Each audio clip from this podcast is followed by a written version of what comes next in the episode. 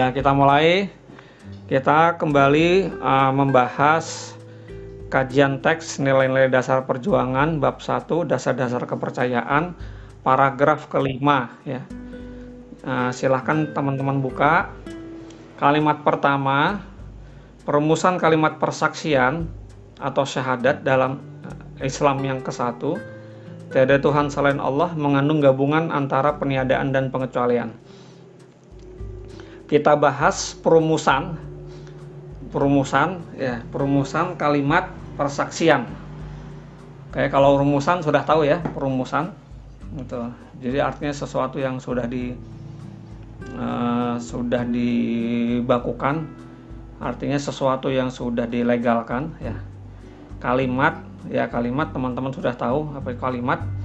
Gabungan dari kata-kata yang mengandung satu arti ya gabungan kata-kata yang struktur yang mengandung satu arti persaksian. Persaksian artinya saksi bersaksi. Bersaksi ada dua ada bermakna melihat ya kan? Ada bermakna sadar.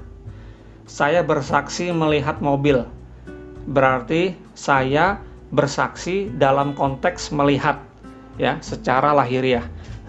Ada pemahaman kedua saya bersaksi bahwa dia ada di ruangan ini atau saya bersaksi bahwa suasana ini sangat hening gitu. Nah, itu tidak dipahami secara indera, ya kan? Tidak dipahami secara indera persaksiannya tapi berdasarkan kesadaran. Nah, yang kedua inilah yang kita maksud dari persaksian atau syahadat. Jadi persaksian itu bukan bukan makna lahiriah artinya saya melihat atau saya mengeluarkan segenap panca indera, tapi persaksian di sini adalah kesadaran, sama seperti Anda dalam kondisi uh, sesuatu itu seperti menyadari sesuatu, ya kan? Menyadari sesuatu Anda tidak tahu uh, bagaimananya, kan itu ya. Mungkin Anda juga tidak bisa mengucapkan mengapanya, ya kan? Tapi Anda bisa merasakan. Nah, jadi persaksian berdasarkan kesadaran itu terkait dengan eksistensi kita. Jadi kesadaran ya, persaksian yang kedua punya makna artinya persaksian dari segi kesadaran. Kesadaran ini punya makna adalah mengarah ke eksistensi kita. Jadi kesadaran eksistensial. Kesadaran eksistensial adalah perasaan merasakan satu kehadiran ya yang tidak bisa diucapkan dan tidak bisa dijabarkan secara detail oleh konsep oleh konsepsi dan oleh omongan kita ya kan? Yang dimensinya itu batin. Di batin itu adalah sesuatu yang kita rasakan dalam diri manusia.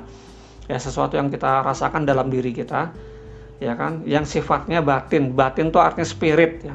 Spiritual. Berarti sifatnya spiritual itu jadi kalimat perumusan kalimat perumusan kalimat persaksian atau syahadat nah itu adalah satu uh, satu apa satu bentuk ya satu bentuk penyadaran eksistensial dari kalimat dan artinya dari satu struktur pemahaman ya kan satu struktur pemahaman yaitu dalam uh, dalam arti kesadaran eksisten, eh, eh, kesadaran eksistensial yang punya makna batin ya atau spiritual. Kalimat selanjutnya, persaksian syahadat Islam yang ke satu, tiada Tuhan selain Allah, mengandung gabungan antara peniadaan dan pengecualian. Ada ada dua hal yang kita bahas di sini. Yang pertama adalah tiada Tuhan selain Allah, ya kan? Gabungan antara peniadaan dan pengecualian. Artinya, yang pertama adalah kalimat tiada Tuhan selain Allah, ya kan? Sedangkan yang kedua adalah uh, kandungan antara peniadaan dan pengecualian.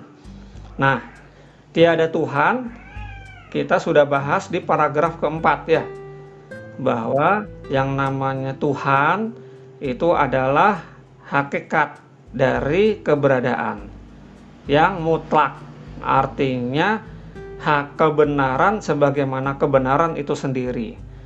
Artinya mutlak artinya hakikat, artinya inti, artinya substansi, artinya zat.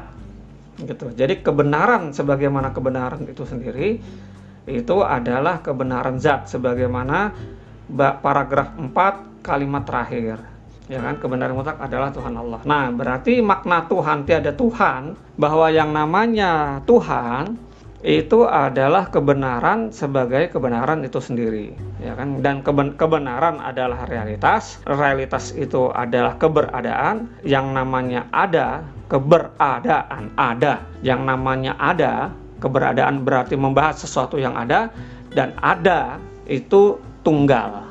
Bahwa yang namanya ada itu tidak bisa dibatasi oleh ketiadaan yang namanya ada tidak berawal dan namanya ada tidak berakhir.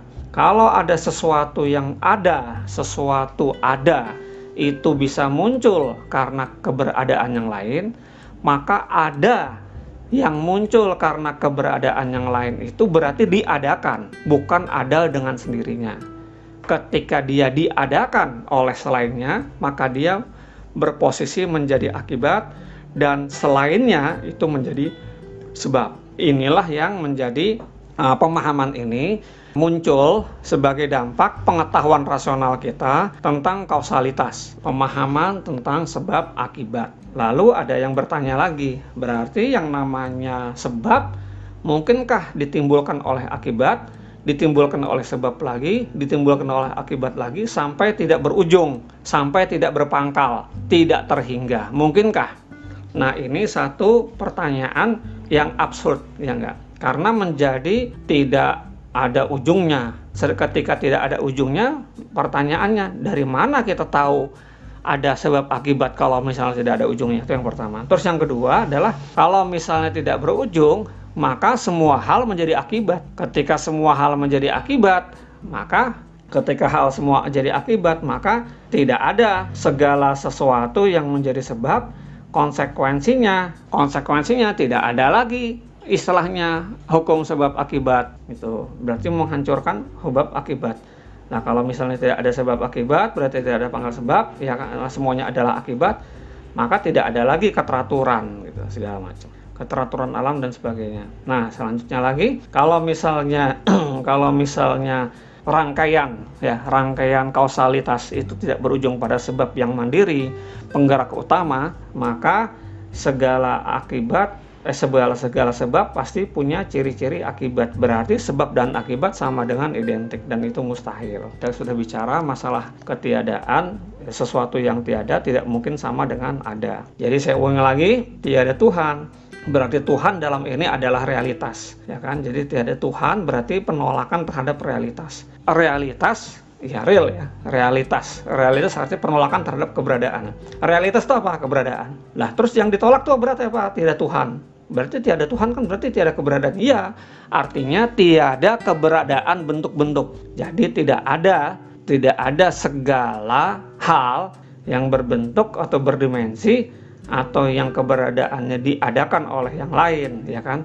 Atau eksistensinya diadakan oleh yang lain gitu. Kecuali ya kan di sini disebut selain Allah. Selain Allah itu kita sepakati aja dulu ya. Sepakati dulu nanti kita bahas lagi. Allah itu al ilah the one ya selain realitas, selain realitas yang majemuk, artinya yang ada tunggal gitu. Jadi maknanya uh, bahwa kandungan tauhid itu, kandungan syahadat pertama tiada Tuhan selain Allah, mengandung gabungan antara peniadaan dan pengecualian. Ya, jadi realitas, jadi tiada Tuhan, artinya tiada realitas realitas. Gitu. Contohnya, saya sudah pernah sebut kemarin, ya enggak? Saya melihat lemari, maka sebetulnya yang saya lihat adalah lemari dan bukan lemari. Dan bukan selain lemari ya kan? Jadi ketika saya melihat lemari maka saya tidak melihat selain lemari. Artinya ketika saya sebut lemari maka dia bukan selain lemari. Bisa dipahami ya kira-kira ya jadi artinya bukan selain lemari ya, bisa pintu, bisa lantai, bisa dinding, atap, kaca dan sebagainya. Uh, lemari itu adalah satu contoh ya, ini sekedar satu contoh dari realitas. Nah realitasnya ada berapa? Ada banyak. Ya nggak selain lemari, ada pintu, ada jendela, ada lantai, ada dinding. itu namanya realitas-realitas. Nah, sedangkan realitas-realitas itu, ya kan, itu saling membatasi kan satu dengan yang lain kan. Ya kan, adanya lemari membatasi keberadaan pintu, membatasi keberadaan dinding, lantai, jendela dan sebagainya. Ya kan sehingga membatasi. Ya kan keberadaan lemari membatasi yang lain. Begitu juga keberadaan pintu membatasi lemari dinding dan sebagainya. Pembatasan itu artinya peniadaan gitu loh. Bahwa dinding ya bukan bukan selain dinding ya kan? Bukan selain dinding artinya bisa pintu bisa jendela. Ya kan dan terus juga pengecualian nah pengecualian artinya hanya itu gitu nah yang menarik adalah kalau misalnya realitas itu dibatasi oleh apa mengandung peniadaan, sedangkan realitas yang lain adalah juga ada, maka sesungguhnya yang kita bahas adalah bahwa realitas yang sesungguhnya adalah realitas yang tidak ada pengecualian. Ada adalah ada, lawannya ada adalah tiada. Tiada itu ada nggak? Tiada ya, yang namanya tiada ya tidak ada. Bisa nggak kita menghayal atau mengimpikan atau berimajinasi sesuatu tentang sesuatu yang tidak ada? Ya tidak ada. Oh, bisa kok saya saya berimajinasi tentang orang berkepala 10. Itu buktinya bisa saya berimajinasi. Tapi kan faktanya tidak ada. Iya, imajinasi itu kan ada. Nah, gitu. Cuma Anda belum ketemu faktanya. Artinya secara konsep itu secara konsep real, realistis dan bisa jadi faktual kalau ketemu sebab-sebabnya. Gitu ya. Jadi Uh, jadi peniada apa peniadaan peniadaan terhadap realitas itu tidak terjadi kepada ada. Jadi kita tidak bisa menolak ada yang tunggal. Kalau ada yang jamak artinya yang mengada atau diadakan itu bisa. Ya kan? Kita bisa meniadakan jam tangan. Artinya apa? Tidak ada jam tangan di sini, ada di tempat lain. Atau kita bisa meniadakan jam tangan bahwa jam tangan sekarang ada 10 tahun yang lalu jam tangan itu tidak ada.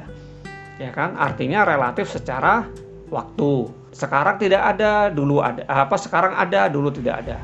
Tidak ada dari segi waktu artinya apa? Bentuknya tidak ada. Ya dari segi ruang sesuatu itu bisa tiada relatif. Artinya tiada secara relatif. Tidak ada tidak ada motor di kamar ini ada di luar ada di luar rumah ya kan? Itu artinya tidak ada relatif dari segi ruang. Ada juga tidak tidak ada relatif dari segi waktu. Buku ini ada tapi 10 tahun lalu tidak ada. Iya bentuknya tidak ada ya kan? Tapi hakikatnya ada bahannya tuh ada ah mudah-mudahan pelan-pelan ya kita bisa bisa kaji ini selain uh, jadi penolakan penolakan kepada ada berarti tiada dan yang namanya tiada atau nggak ada betul-betul nggak ada, betul-betul nggak ada. Nah, sesuatu yang nggak ada itu namanya mustahil ada. Yang tidak akan pernah ada namanya mustahil ada. Oke, sampai sini dulu ya. Jadi kalimat pertama, perumusan kalimat persaksian syahadat Islam yang ke satu, tiada Tuhan selain Allah mengandung gabungan antara peniadaan dan pengecualian.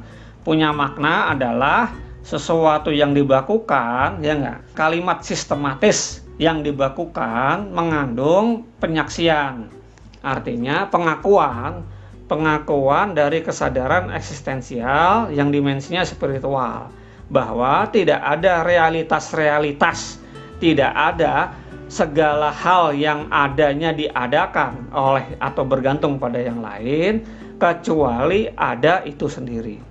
Kecuali sering kali kalau misalnya saya dengar dari teman-teman nyebutnya yang ada itu sendiri. Oke ya, jadi dia meniadakan juga sekaligus mengecualikan bahwa yang ada tunggal itu uh, realitas realitas yang tunggal itu tidak bisa dibatasi oleh yang lain, tidak bisa ditiadakan.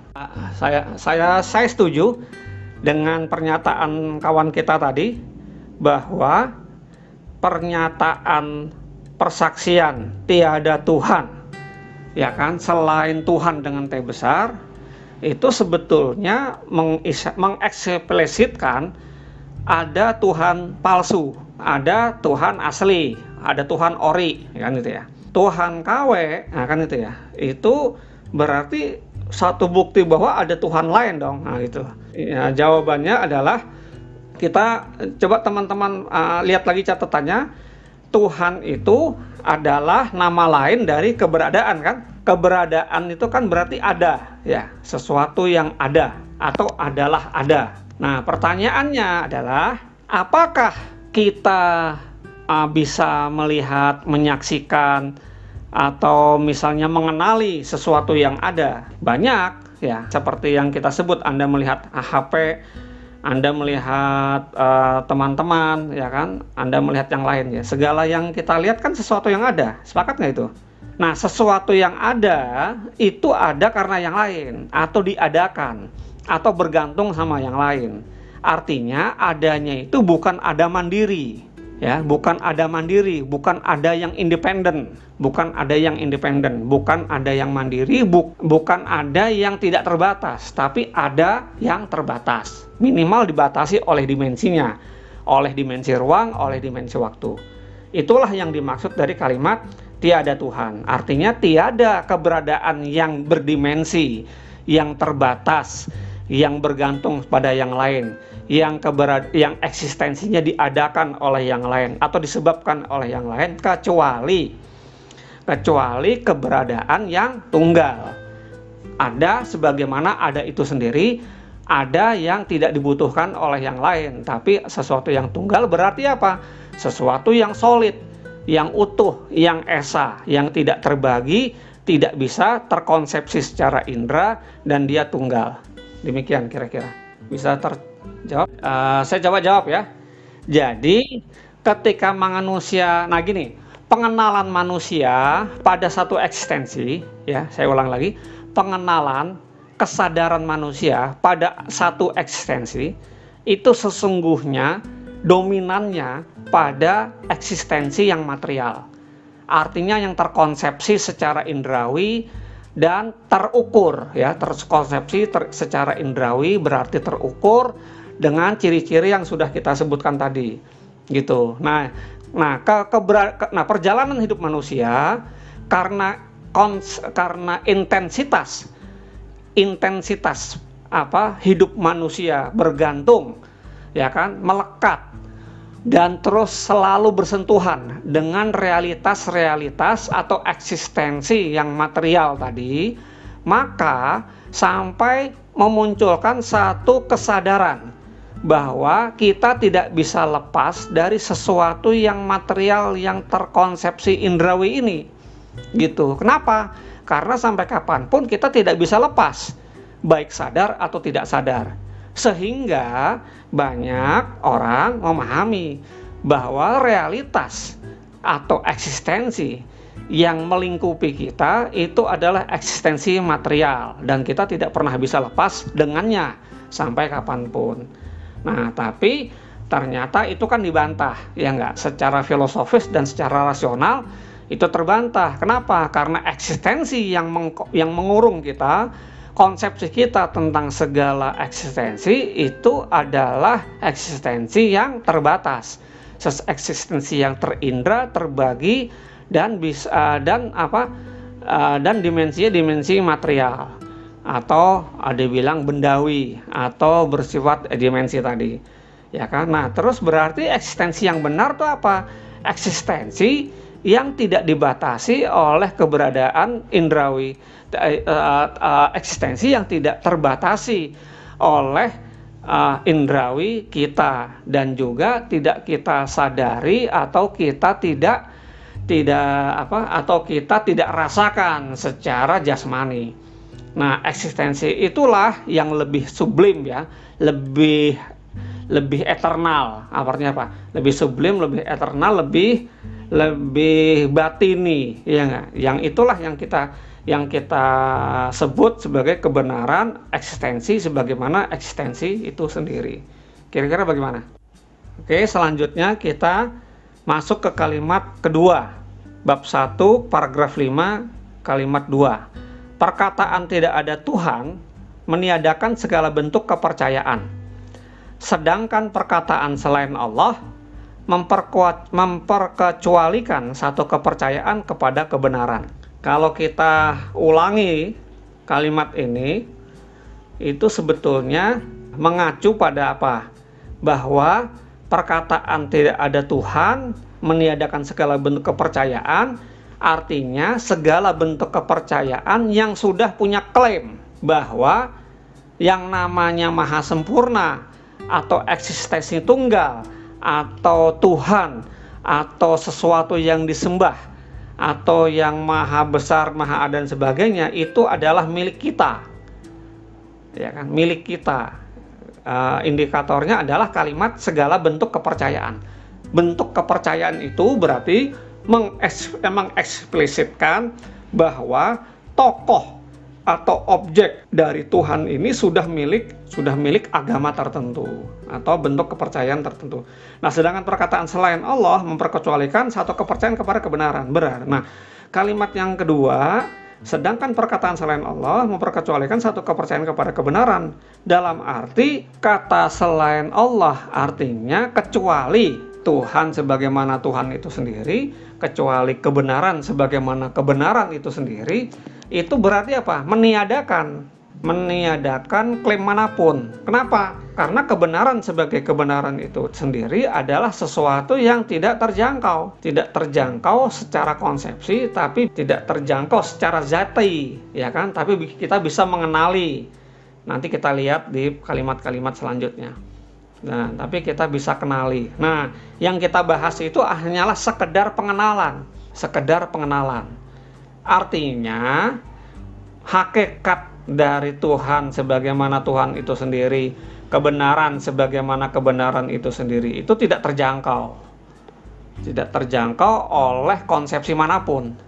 Sebab kata-kata atau klaim ya atau pengakuan bahwa saya telah menjangkau kebenaran sebagaimana kebenaran itu sendiri, maka kebenaran itu telah tersingkap atau kebenaran itu telah terjangkau telah ter ya telah terjangkau oleh oleh konsepsi kita maka hasilnya adalah kebenaran sebagaimana kebenaran itu sendiri yang menjadi terbatas menjadi dibatasi. Sedangkan kita sudah definisikan kebenaran sebagaimana kebenaran sendiri atau Allah atau Tuhan dalam pemahaman ini itu adalah sesuatu yang tidak terjangkau. Itu kalimat kedua ya. Jadi tidak ada Tuhan uh, mengeksplisitkan ya tidak ada segala bentuk kepercayaan. Tidak ada segala bentuk kepercayaan yang bisa mengklaim mengklaim bahwa objeknya nah gitu, eh, yang paling benar di antara yang lain.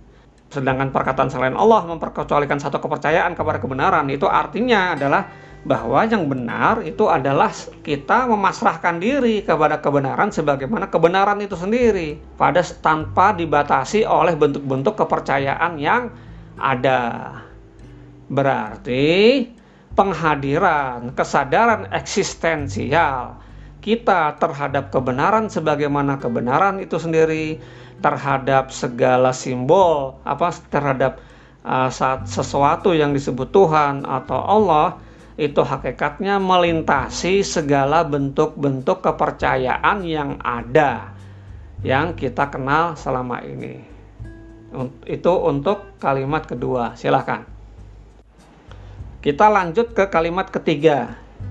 Dengan peniadaan itu dimaksudkan agar manusia membebaskan dirinya dari belenggu segenap kepercayaan yang ada dengan segala akibatnya. Itu sudah kita bahas tadi. Dan dengan pengecualian itu dimaksudkan agar manusia hanya tunduk pada ukuran kebenaran dalam menetapkan dan memilah nilai-nilai. Saya ulang, pada ukuran kebenaran dalam menetapkan dan memilih nilai-nilai. Itu berarti tunduk kepada Allah, Tuhan yang Maha Esa, pencipta segala yang ada termasuk manusia. Ini sudah uh, jelas ya bahwa yang namanya peniadaan ya meniadakan konsepsi kita tentang realitas itu artinya membebaskan diri dari batasan-batasan material atau materialisasi tentang realitas sebagaimana realitas itu sendiri membat apa membongkar membongkar serat-selat apa sekat-sekat klaim atau segala macam emblem terhadap uh, upaya ya upaya menggambarkan kebenaran sebagaimana kebenaran itu sendiri. Nah, peniadaan itu hakikatnya adalah pembebasan.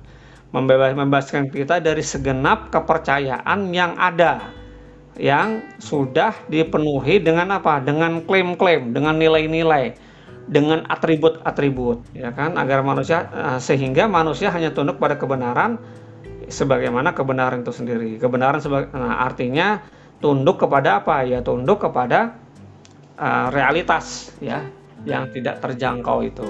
Realitas yang tidak terjangkau artinya kita mempunyai pemahaman sedikit tentang kebenaran sebagaimana kebenaran itu sendiri dan kita dan kita pasrahkan untuk ke sana.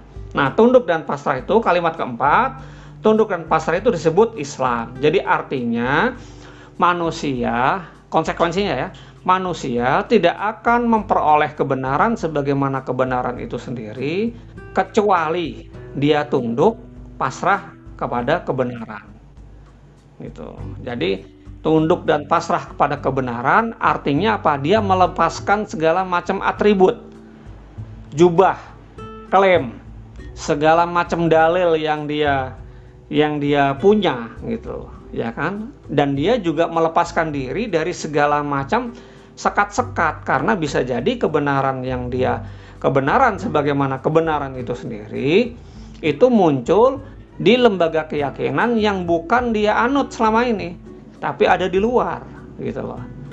Nah, keber, nah penyaksian kesa, dari kesadaran eksistensi tentang sesuatu yang dia sebut yang nggak sebagai kebenaran itu sendiri itu dipahami tiap orang berbeda. Nanti kita akan ada bahas ya di di paragraf ke-6. Oke, tapi sampai situ dulu ya. Uh, sampai situ dulu ada pertanyaan bagaimana pertanyaan ya dari kawan kita tadi kalau misalnya rasionalisme itu adalah pondasi kita untuk memahami kebenaran sebagaimana kebenaran itu sendiri maka bagaimanakah dengan pengetahuan-pengetahuan lain yang tidak bisa dirasionalkan gitu yang tidak bisa di, di, yang tidak bisa didapatkan penjelasan rasionalnya Contohnya adalah keharaman daging babi. Ya kan? Daging babi di masa lalu diharamkan karena ajaran tapi di, eh, dengan alasan uh, tertentu, tapi di kemudian hari kita di, kita melihat banyak manfaat yang dihasilkan dari daging babi gitu ya. Oke, jawabannya adalah begini.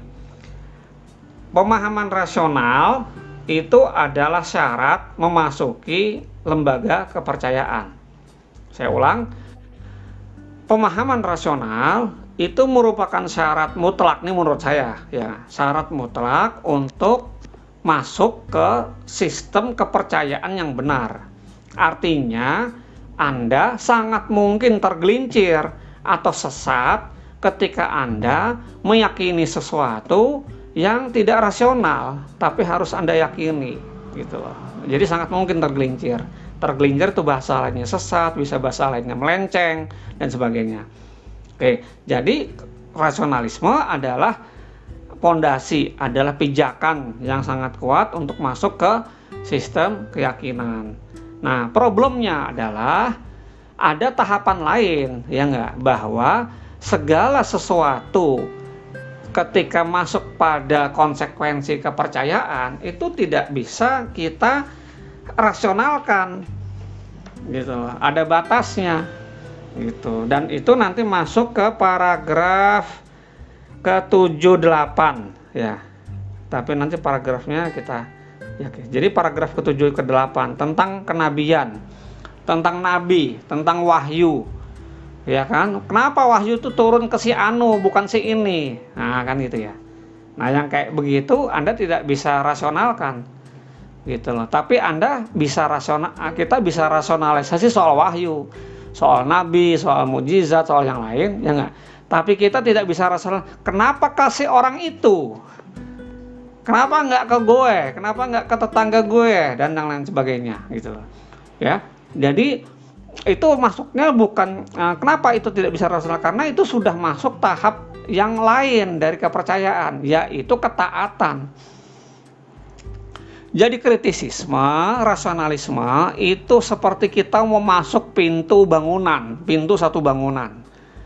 Ya kan? Tapi saat masuk atau masuk mau masuk ke dalamnya itu butuh eh, itu harus kita teliti dulu. Bangunan ini memang layak atau tidak fondasinya kuat tidak akan roboh memang sudah. Ya secara rasional memang inilah bangunan yang paling tepat. Nah saat kita masuk ya sudah. Berarti tidak ada hal lagi yang perlu kita pertanyakan. Gitu. Ya kan? Sama kayak contoh ya.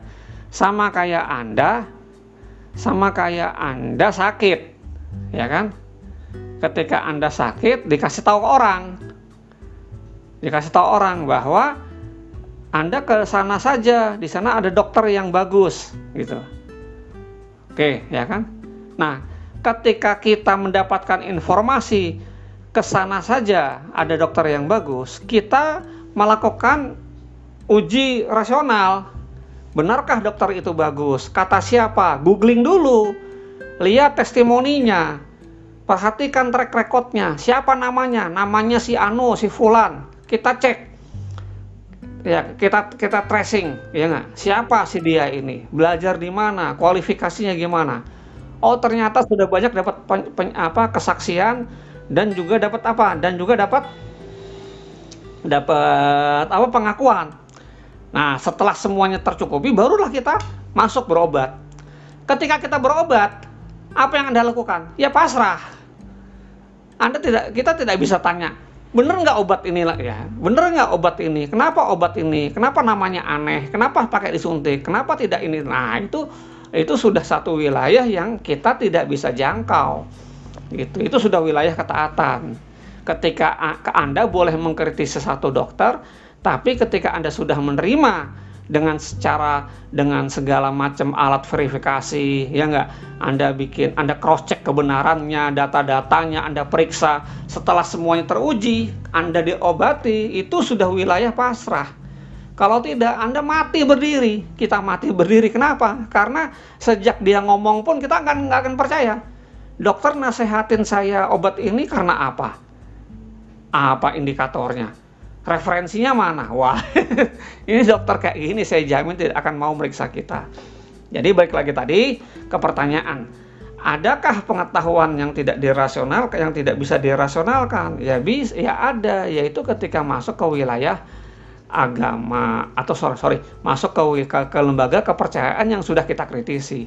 Jadi pertanyaan sebelumnya dari kawan kita, bagaimana kita memahami konsep misalnya tentang larangan makan babi segala macam itu bukan wilayah dirasionalisasi.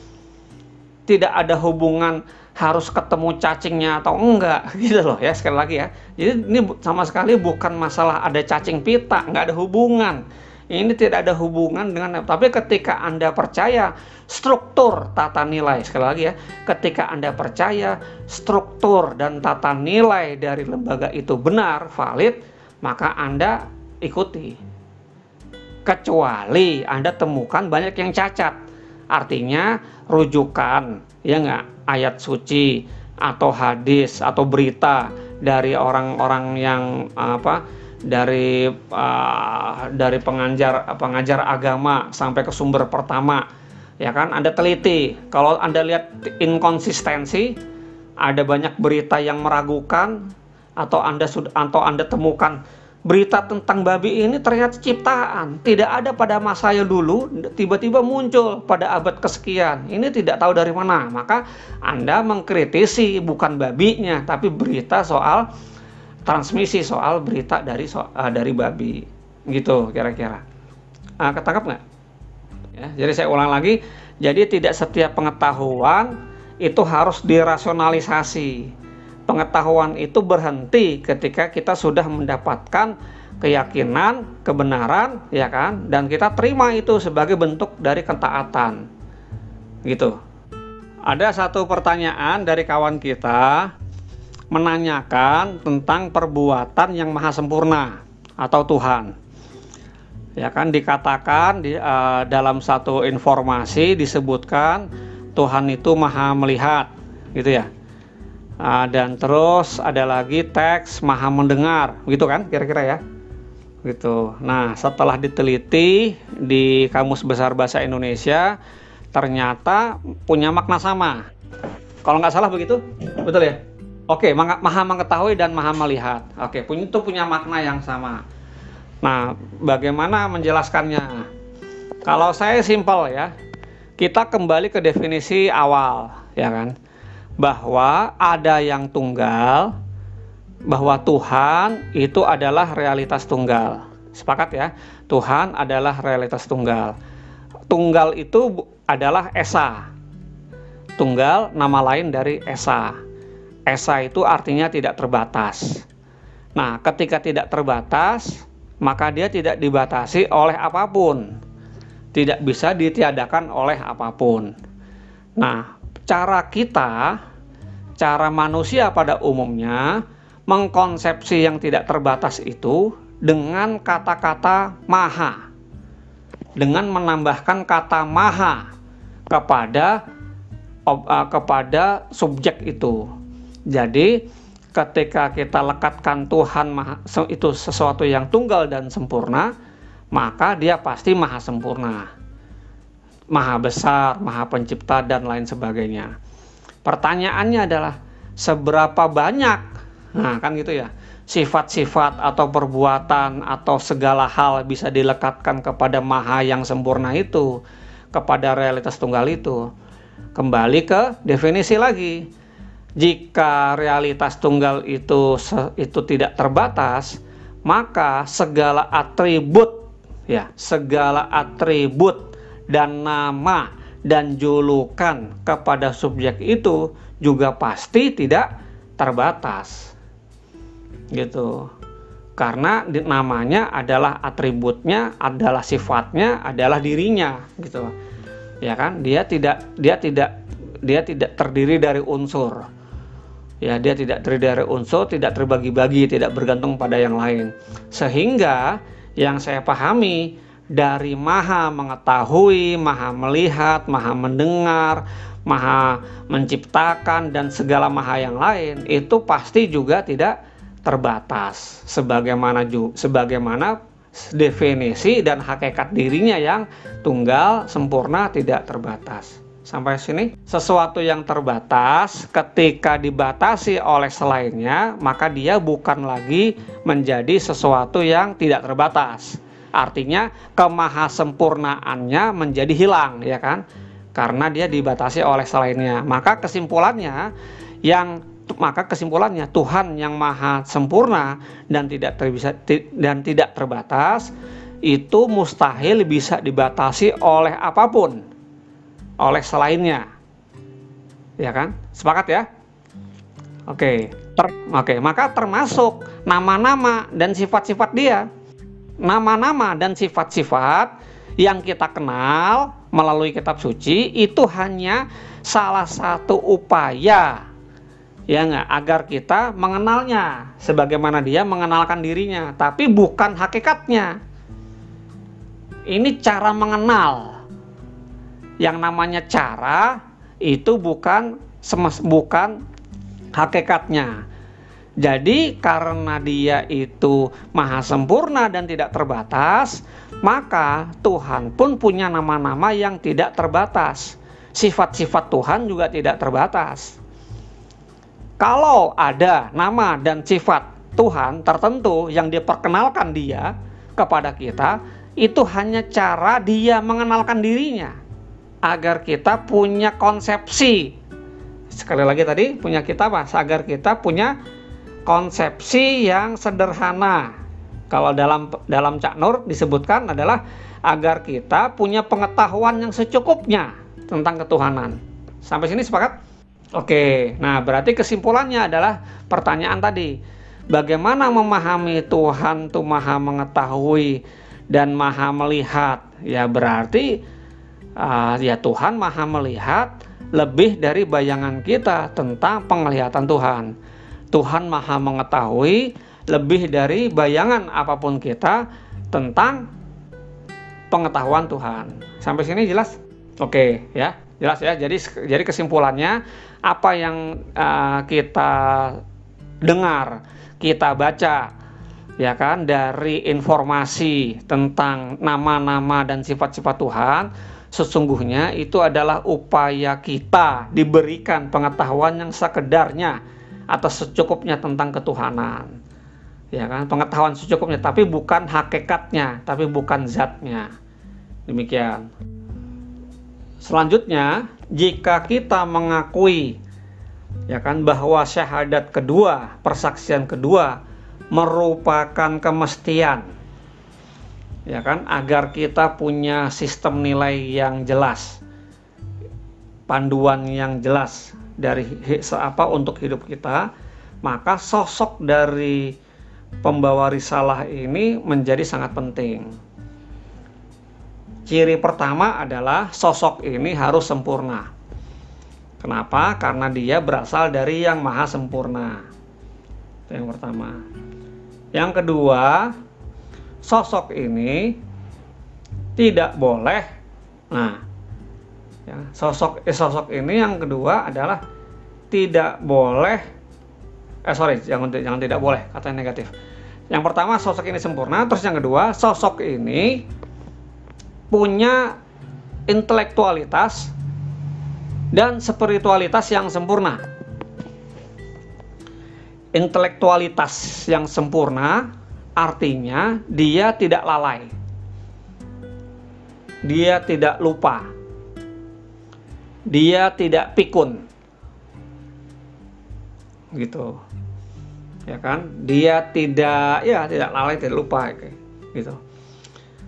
Kenapa? Karena kalau pembawa risalah ini pelupa, maka sangat mungkin dia tidak sempurna menyampaikan risalah. Kenapa? Karena ada risalah ada risalah yang tercecer. Tidak hanya tercecer karena dia lupa, bisa jadi risalah itu dia tambahi secara tidak sadar. Tidak sengaja. Dia tambahi atau dia kurangi. Atau dia ubah bentuknya. Gitu. Kalimatnya bisa berubah, dan sebagainya sehingga risalah yang dia bawa menjadi tercemar, tidak sesuai sebagaimana yang dititahkan oleh Yang Maha Sempurna. Jika demikian, ya, maka si pembawa risalah ini jadi tidak sempurna karena dia tidak berhasil membawakan risalah dari Tuhan secara sempurna. Gitu. Contohnya, ya ini sering saya sampaikan di LK2. Gitu. Ya kan seandainya si pembawa risalah ini pelupa. Ya kan? Satu saat ya kan ketika dia hidup, beliau hidup, ya kan dia panggil sama apa dia panggil seluruh sahabat-sahabatnya. Hei, sahabat-sahabat, ayo datang sini. Woi, kenapa ya Rasul? Ini saya kedatangan malaikat. Kenapa? Ya bawa biasa bawa wahyu gitu. Ini mau saya sampaikan nih mumpung mumpung masih fresh fresh from oven. Nah gitu. Oke. Ya udah. Yuk didengarkan. Yang pertama dengan nama Tuhan yang maha kasih dan maha penyayang. Yang kedua ini ini ini. Yang ketiga ini. Yang keempat Terus ya. Terus yang ke-10. Waduh, lupa. Loh, kok lupa ya Rasul? Iya. Ya kamu tahulah. Ya, ini kan lagi musim hujan. Ya kan? Saya lagi jemur pakaian. Nah, saat malaikat itu datang, saya lagi sibuk ngangkutin pakaian supaya tidak kebasah supaya tidak kebasahan hujan. Nah, jadi ketika malaikat itu ngasih kalimat ke kasih tukar kasih wahyu ke 10 saat hujan lagi deras dan saya sedang sibuk, sedang fokus ngangkutin jemuran, akhirnya nggak kedengeran deh tuh wahyu yang ke 10. Waduh, ah tapi saya ingat. Nah, ini kata Rasul. Saya ingat, apa itu ya Rasul? 10 itu adalah suci dalam pikiran, perkataan, dan perbuatan. Kalau teman-teman tahu, itu adalah teks dasa Dharma Pramuka. Loh, Kenapa? Karena Rasul itu pelupa. Sampai satu titik dia mengingat-ingat akhirnya yang muncul adalah alam bawah sadar. Bagaimana ketika dia remaja, ya kan dia ikut pramuka. Maka secara nggak sadar, tanpa maksud jahat, apalagi buruk ya, tanpa maksud buruk dan jahat dari dari beliau, yang dia keluarkan adalah kata-kata lain di luar wahyu. Dan umat lain menyebutnya, pengikutnya nyebutnya sebagai wahyu. Nah, pemahaman seperti ini, konsepsi Rasul seperti ini, ini kita tolak. Karena kalau misalnya kita terima ada Rasul punya kemungkinan pelupa, ya maka dia juga punya potensi lupa apa memberikan ajaran secara utuh. Lupa memberikan pengetahuan secara seharusnya sebagaimana yang ditonton oleh oleh Tuhan yang Maha sempurna. Itu yang pertama. Yang kedua, yang namanya Rasul, manusia sempurna yang ada dalam syahadat kedua, itu harus tidak boleh maksiat. Karena spiritualitas dia sempurna.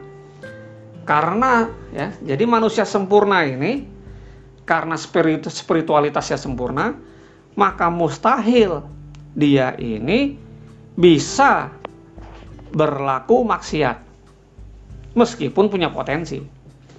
Gitu. Kenapa?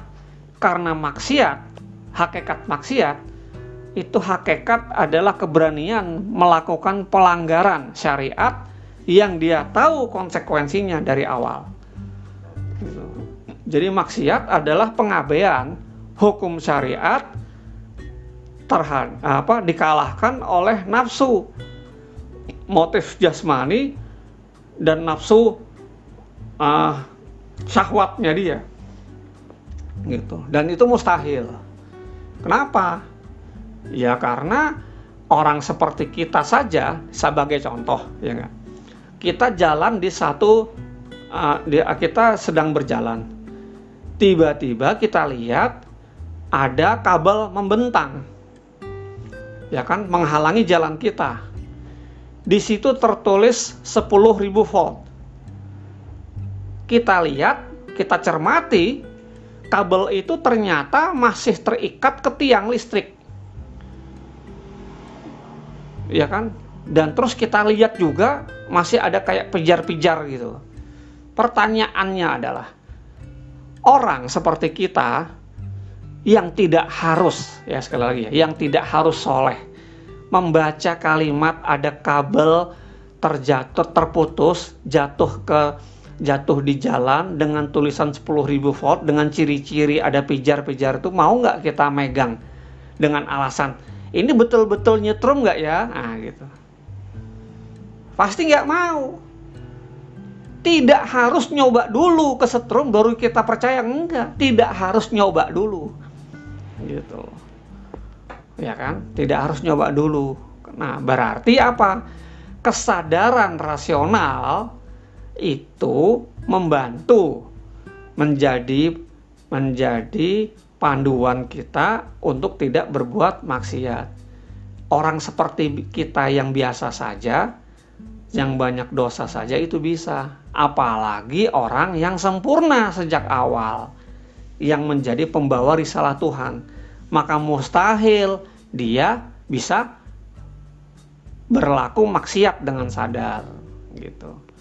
Karena itu keterjagaan dia dari maksiat, ya kan? Kemampuan dia menjaga diri dari maksiat karena spiritual sempurna dan kemampuan intelektual dia yang sempurna, itulah yang menjadi ciri dasar dari manusia sempurna yang membawa risalah Tuhan yang maha sempurna yang kita rumuskan dalam syahadat yang kedua syahadat lain yang kedua. Dan menurut saya ini pemahaman umum semua manusia agama mana pun. Demikian. Ada pertanyaan?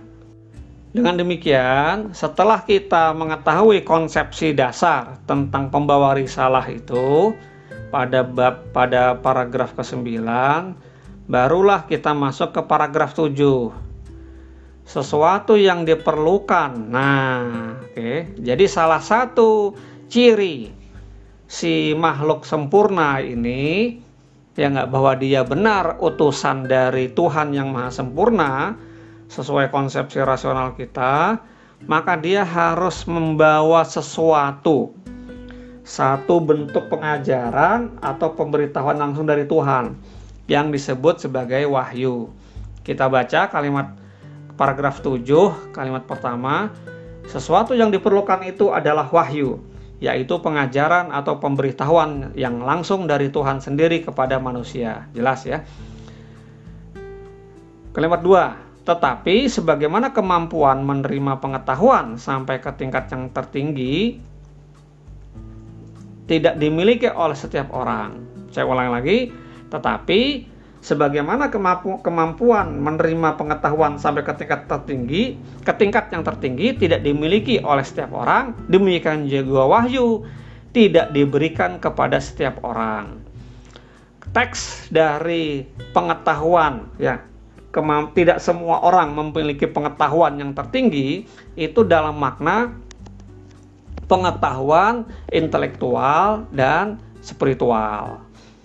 Kalimat tiga, wahyu itu diberikan kepada manusia tertentu yang memenuhi syarat. Ya, manusia yang betul-betul konsisten menjalankan hukum-hukum rasionalnya dan terus juga menjaga diri, ya kan? Menjaga diri, membersihkan hati sehingga dia punya pengalaman punya pengetahuan spiritual yang tinggi. Wahyu itu diberikan kepada manusia tertentu yang memenuhi syarat dan dipilih oleh Tuhan sendiri, yaitu para nabi dan rasul atau utusan Tuhan. Sudah jelas. Empat, dengan kewajiban para rasul itu untuk menyampaikan kepada seluruh umat manusia. Para rasul dan nabi itu telah lewat dalam sejarah semenjak Adam, Nuh, Ibrahim, Musa, Isa, atau Yesus anak Maryam sampai pada Muhammad SAW. Muhammad adalah rasul penghabisan, jadi tiada rasul lagi sesudahnya. Jadi para nabi dan rasul itu adalah manusia biasa dengan kelebihan bahwa mereka menerima wahyu dari Tuhan. Saya pengen tegaskan bahwa uh, yang dimaksud, ini saya punya pandangan sendiri bahwa yang dimaksud uh, di kalimat terakhir bahwa manu, bahwa rasul itu manusia biasa, iya, yang namanya rasul itu memang manusia biasa. Artinya dia itu kalau tidak cuci muka bisa jerawatan. Kalau dia tidak gosok gigi, jigongan. Kalau tidak mandi, dakinya banyak. Itu manusia biasa, ciri-ciri manusia biasa. Digigit nyamuk, korengan gitu. Itu biasa, itu ciri-ciri manusia biasa. Cuma kelebihan dia bukan pada jasmaninya, tapi pada spiritualitas dan intelektualitasnya. Jadi saya memahami paragraf tu, apa kalimat terakhir paragraf 7. Jadi para nabi dan rasul itu adalah manusia biasa. Iya, dengan posisi jasmani sama dengan kita. Dengan kelebihan bahwa mereka menerima wahyu. Nah, kalau saya memahaminya bukan sekedar menerima wahyu. Wahyu itu adalah sekedar tanda, ya. Wahyu itu adalah tanda dari Tuhan. Tapi dari kapasitasnya sendiri, dia itu terjaga. Terjaga dari dosa ya kan dan punya intelektualitas yang sempurna. Itulah yang saya maksud bahwa tidak mungkin wahyu itu bisa turun kalau tidak diterima oleh orang yang punya kapasitas sempurna. Nah, kapasitas internal dalam diri nabi, eh, dalam diri nabi dan rasul itu ada dalam diri, uh, rasul adalah ya dia punya kesempurnaan intelektual dan spiritual ya kan dan dibuktikan ya di, diberikan tanda uh, melalui wahyu gitu. Nah itu yang saya pahami ya. Uh, jadi jangan salah paham hanya gara-gara sebutan nabi itu basar juga ya manusia juga ya maka dia bisa nyontek ya nggak mungkin ya kan nyontek itu maksiat atau misalnya nabi ya apa rasul itu nipu nggak mungkin ya kan? Terus anda bilang ya namanya juga Rasul kan manusia biasa. Ya nggak bisa. Biasa dalam segi jasmani itu sama sekali tidak otomatis sama juga. Harus biasanya seperti perilaku orang-orang yang menggampangkan dosa. Ya kan? Waktunya ibadat kitanya masih berleha-leha. Terus Rasul juga begitu. Ah tenang aja gue Rasul. Nggak mungkin, nggak mungkin. Dia pasti paling cepat, paling sempurna, paling taat menjalankan perintah Tuhan nggak kayak kita gitu ya. Jadi paragraf 7 ya sudah selesai tentang masalah wahyu. Nah, terus disebutkan di sini ya kan wahyu Tuhan yang diberikan kepada Muhammad SAW terkumpul seluruhnya dalam kitab suci Al-Quran bab 8 itu ya kalimat pertama selain berarti bacaan kata Al-Quran juga berarti kumpulan atau kompilasi yaitu kompilasi dari segala keterangan sekalipun garis-garis besar Al-Quran merupakan satu kompendium yang singkat namun mengandung keterangan-keterangan tentang segala sesuatu sejak dari alam dan manusia sampai kepada hal-hal gaib yang tidak mungkin diketahui manusia dengan cara lain. Artinya, karena Tuhan sempurna, maka wahyu Tuhan diturunkan, diberikan kepada manusia yang punya kapasitas sempurna, dan proses penurunan berita Tuhan yang dikumpulkan oleh manusia yang sempurna disebut sebagai kitab suci. Kitab suci orang Islam, ya, tadi disebut kitab suci Al-Quran. Berarti kitab suci Al-Quran pun yang namanya kitab suci itu juga pasti suci. Karena diturunkan dari orang suci dari wahyu yang suci oleh sumber yang maha suci. Berarti Quran itu suci. Tidak mungkin berubah tidak mungkin berkurang tidak mungkin mengalami kesalahan. Oke jadi Quran itu sempurna. Tidak akan ada perubahan di dalamnya. Jadi saya ringkaskan kita bahas malam ini bab 5 tentang keesaan Tuhan yang maha sempurna yang terus dilanjutkan dengan ciri-ciri ketuhanan dan bagaimana mengetahuinya pada bab 6. Nah, selanjutnya kita lompat sedikit ke paragraf 9 ke, uh, mengetahui konsep tentang persaksian oknum kedua. Setelah oknum pertama pada bab 56 ya kan? Uh, eh sorry pada paragraf 5 dan 6 tentang Tuhan maka persaksian kedua tentang nabi tentang tentang nabi rasul pada bab ke 9 nah baru setelah itu kita masuk ke bab 7 dan 8 soal wahyu dan Al-Qur'an. Dengan demikian selesai sudah konsep agama yang dasar, yaitu pengetahuan tentang Tuhan dan pengetahuan tentang Nabi. Nanti untuk selanjutnya kita bahas uh, paragraf lain.